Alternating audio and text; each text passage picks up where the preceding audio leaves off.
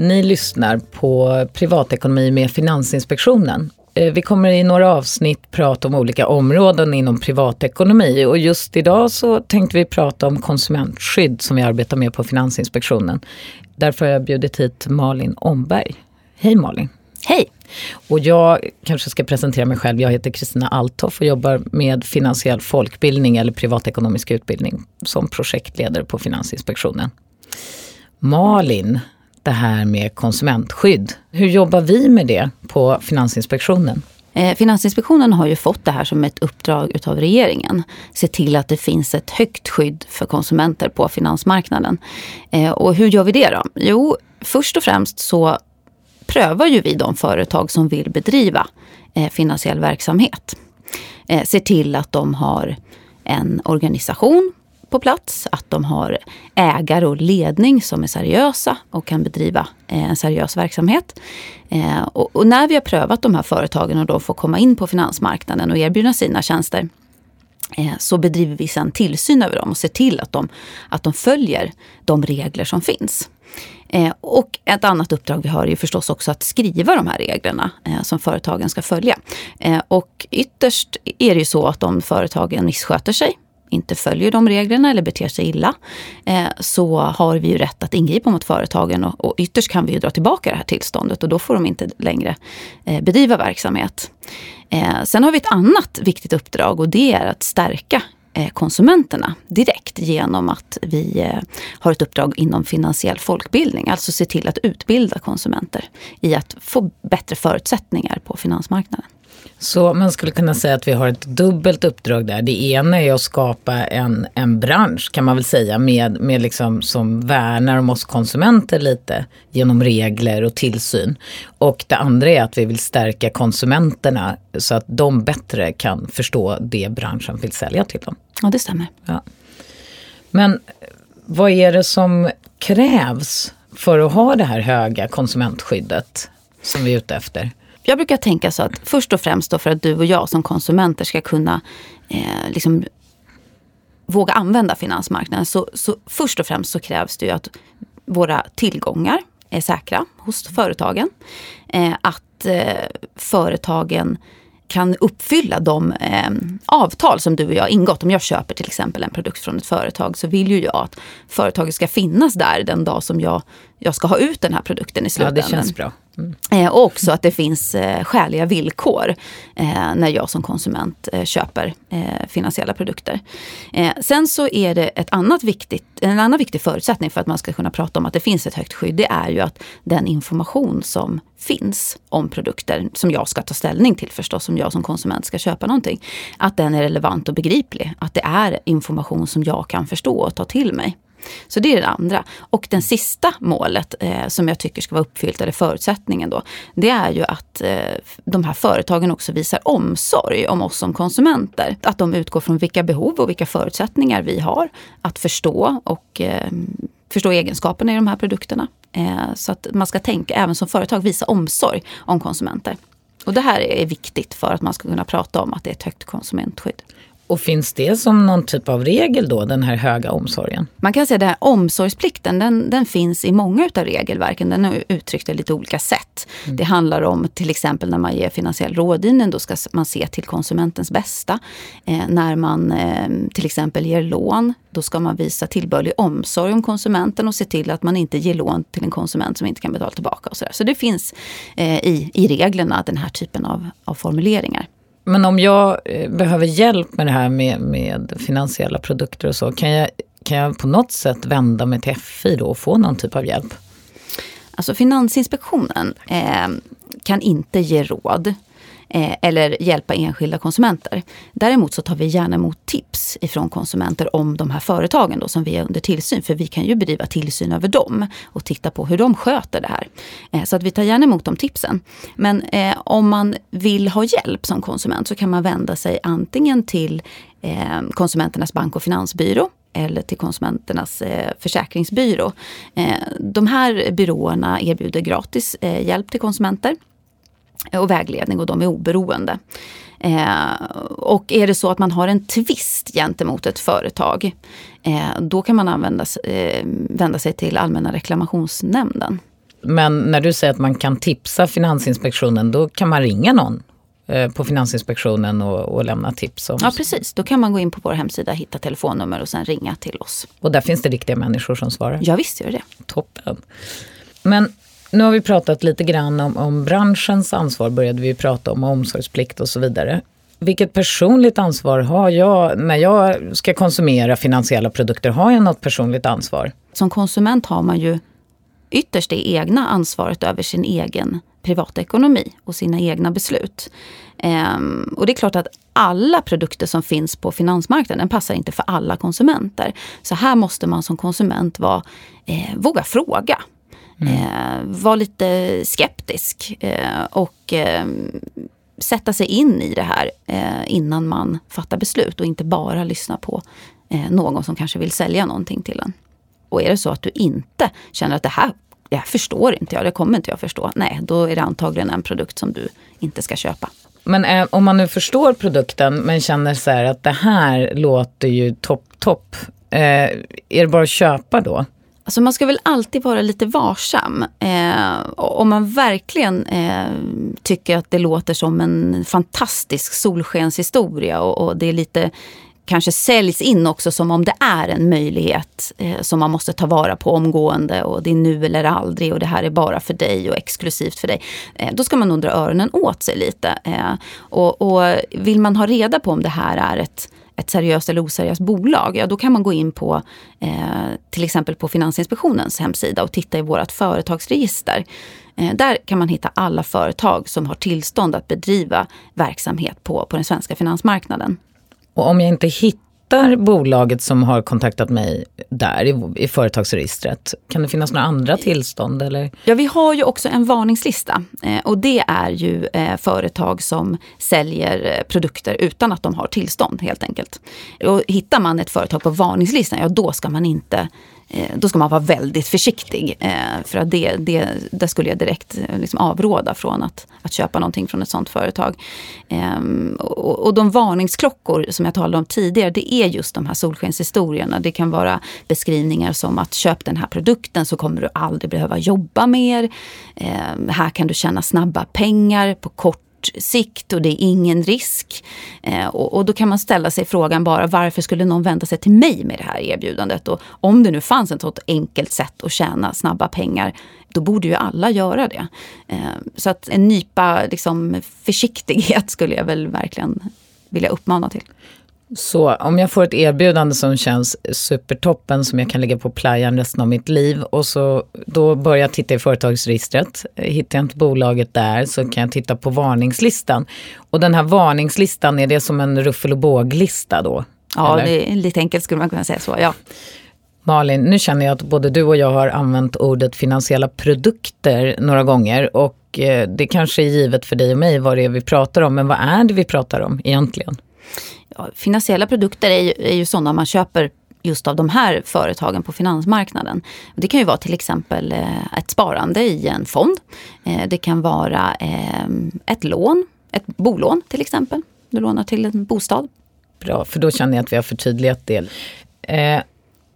Men vi pratade just om investeringar som kan verka lite för bra för att vara sanna. Och just nu så är det ju så att man får inte jättemycket ränta på sina vanliga bankkonton till exempel.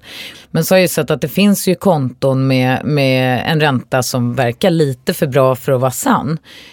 Är det också, eh, är det en bank eller är mina pengar säkra där? Ja, det är en bra fråga. Eh, du behöver ta reda på vad det här är för typ av företag några företag som, som kan erbjuda höga räntor och, och, och inte sällan gör det, eh, det är inlåningsföretag. Eh, och inlåningsföretag de får ta emot max 50 000 eh, kronor på, som inlåning från en, från en kund. Eh, och här finns det inte någon insättningsgaranti. Så att som kund så riskerar, kan du riskera att förlora de här pengarna. De här företagen har inget tillstånd från Finansinspektionen och de står inte under tillsyn och Finansinspektionen kan inte eh, ha svårt att ingripa mot de här företagen. Men finns det någon lista hos Finansinspektionen där kan se om det är ett inlåningsföretag? Ja, vi har ju i vårt företagsregister så kan man se vilken typ av företag det är och de här är registrerade hos Finansinspektionen så att man kan se om det är ett inlåningsföretag.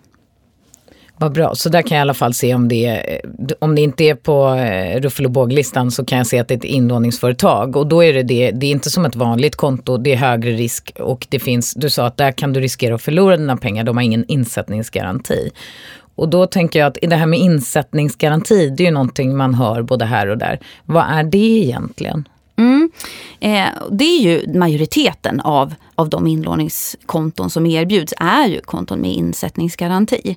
Eh, det är ju insättningar hos banker och kreditmarknadsbolag eh, och värdepappersföretag. Och det kan man också se på Finansinspektionens hemsida i, på, i den här listan, företagsregistret, vilken typ av tillstånd eh, företaget har. Och är det någon av de här företagen, ja då omfattas de utav insättningsgaranti.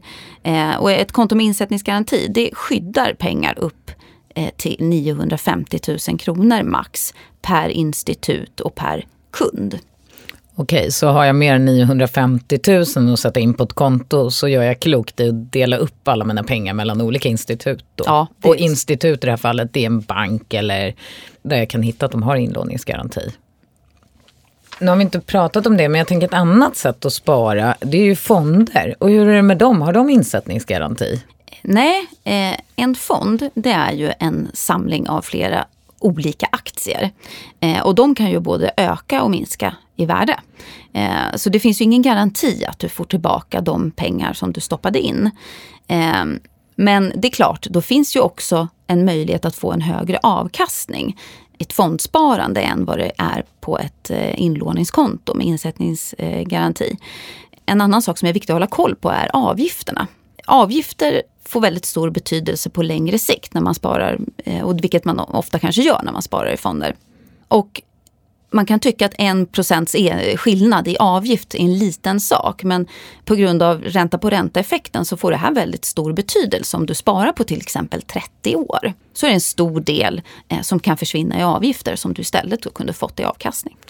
Men det finns ju många, många eh, utmaningar ska man säga, jag höll på att säga svårigheter, men det finns många utmaningar med att vara konsument idag överhuvudtaget.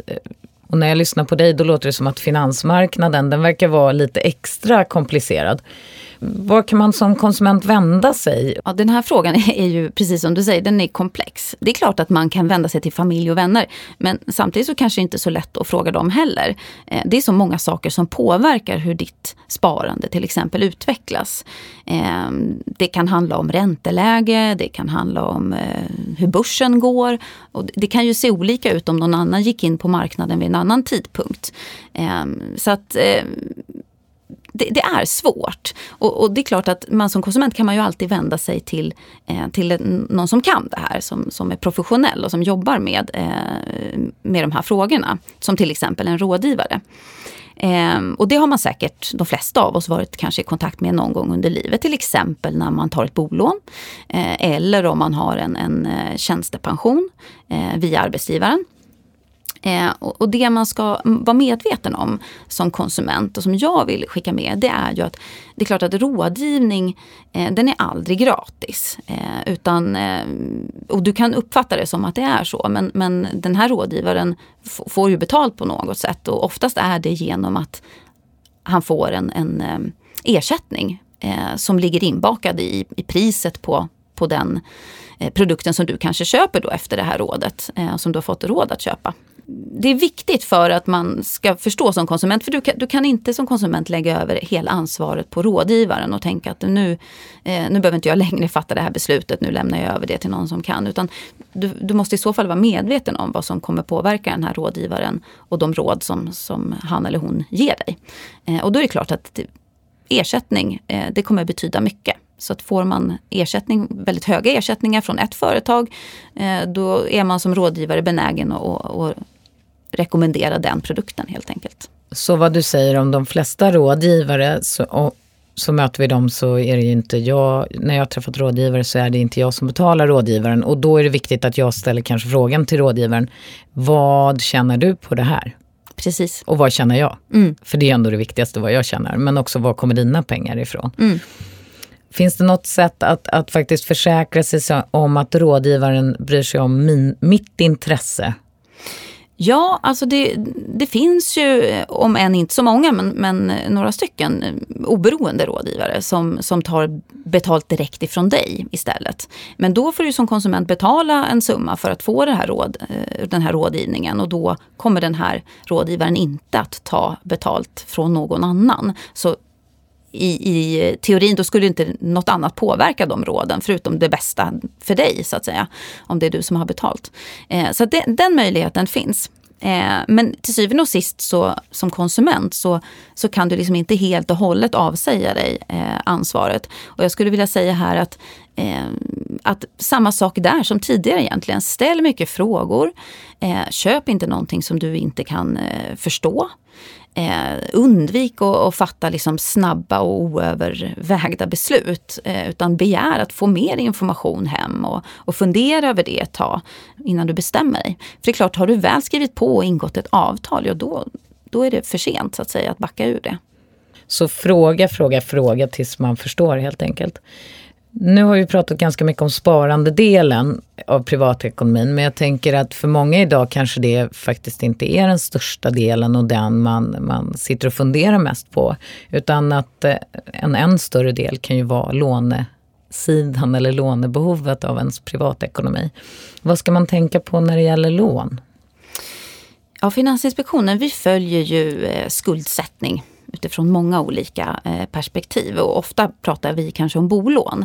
Men när vi tittar enbart på risker för, för konsumenter och eh, där vi tycker att det, det, behövs ett starkt konsumentskydd så, så är det väldigt mycket fokus på eh, konsumtionskrediter och blankokreditgivning. Blanko betyder egentligen att man inte har någon säkerhet för lånet utan man, man lånar kanske för att konsumera. Och det kan vara till exempel en TV eller en mobiltelefon eller en resa eller den typen av konsumtion. Precis. En bil också kanske. Ja. Precis, det stämmer. Eh, och vad vi ser är att under de senaste 15 åren då har den här typen av lån mer än fördubblats. Eh, och vi ser också att det är en väldigt aggressiv marknadsföring och aggressiv försäljning av den här typen av lån till konsumenter. Eh, och ytterst så är det ju en risk att man som konsument eh, hamnar i en skuldfälla helt enkelt. Att man tar på sig för, för mycket lån. Men om det är den typen av produkter där man kan hamna i en sån situation, borde de ens få finnas? Eller rättare sagt, ska man få konsumera på kredit?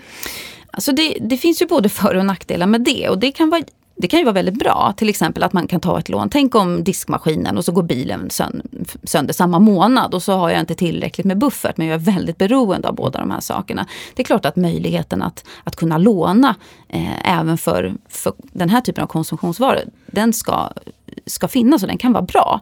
Samtidigt så, så kräver det ju att man som konsument har ansvar för att man faktiskt också sen kan betala tillbaka. Och att man har det perspektivet eh, när man går in i de här lånen och inte lockas av att gå in i eh, lån för att eh, konsumera i onödan. Jag tycker ändå, en fråga jag känner att jag har är det här, får lån, kan de kosta hur mycket som helst? Ja, det kan man ju fråga sig. Och det finns ju ingen reglering idag som säger att eh, räntor inte får vara hur höga som helst. Eh, och den lagstiftning som vi har kring ocker har ju visat sig vara svår tillämplig i de här fallen. Det finns ju fall som har varit uppe i domstol där det har handlat om flera hundra procent där man inte har bedömt att det här har varit ocker. Så att här finns förslag på att man kanske i Sverige skulle införa den här typen av tak. Men i dagsläget så finns inte det då gäller det att se upp för vad det är för typ av lån man, man tar och, och se vad de faktiskt kostar på ett år. Mm. Eh, så att man inte hamnar i den sitsen där man får betala tillbaka lånet flera, flera, flera, flera gånger om. Ja precis och det, det finns ju den här typen av upplägg som är väldigt lockande eh, från första ögonblicket när man tittar på det. Man kanske erbjuds att betala en väldigt, eh, alltså amortera väldigt lite på lånet i början och, och, och bara betala ränta. Men då, då ligger ju lånet kvar. Eh, och till slut så kommer du att behöva betala av på lånet och betala ränta. Och då kanske du hamnar i en situation där du tvingas ta ytterligare ett lån. Eh, och sen byggs den här skulden på. Så att eh, det finns den typen av tveksamma affärsmodeller kan man säga. Och just när det gäller sparandesidan så har vi rätt mycket regleringar och tillsyn. Och det har vi ju förstås också när det kommer till lån. Men just hur mycket ett lån får kosta, där finns det inte riktigt några regler. Det stämmer. Malin, nu har vi pratat både om konsumentskyddet och vi har pratat om sparande och lån. Och då tänker jag så här, nu när vi ska liksom koka ihop det på slutet, har du några medskick som, är, som du tycker är extra viktiga att tänka på som konsument på finansmarknaden? Ja, eh, först och främst, och den har vi varit inne på flera gånger, köp inte någonting som du inte förstår. Och var inte rädd, våga fråga. Eh, och det andra eh, är att avgifter, de har stor betydelse. Och det gäller såväl som när du sparar som när du lånar. Så helt enkelt, ha koll på avgiften, köp inget du inte förstår, våga fråga. Det stämmer. Malin, sist men inte minst. Vi frågar alla som kommer hit vad deras bästa och sämsta investeringar är. Och jag tänker att vi börjar med din sämsta investering.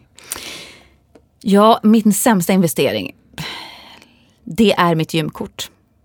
Jag förstår att du inte använder det så mycket som du skulle vilja. Uh, nej, Ja, så att investeringen i hälsan som jag då tänkte göra, den har ju som uteblivit. Jag förstår. Jag tror inte att du är ensam om det. Jag har också ett sånt gymkort. Men jag tänker att så länge gymkortet är aktivt så är också jag det. Så tänker jag när jag ska försöka urskulda kostnaden. Eh, din bästa investering? Nej, men eh, just nu känns det som det har varit eh, studsmattan till barnen. Det har möjliggjort väldigt många sköna timmar i solstolen för min del. Det tycker jag låter som en utmärkt investering. Tack för att du kom hit Malin. Tack så mycket.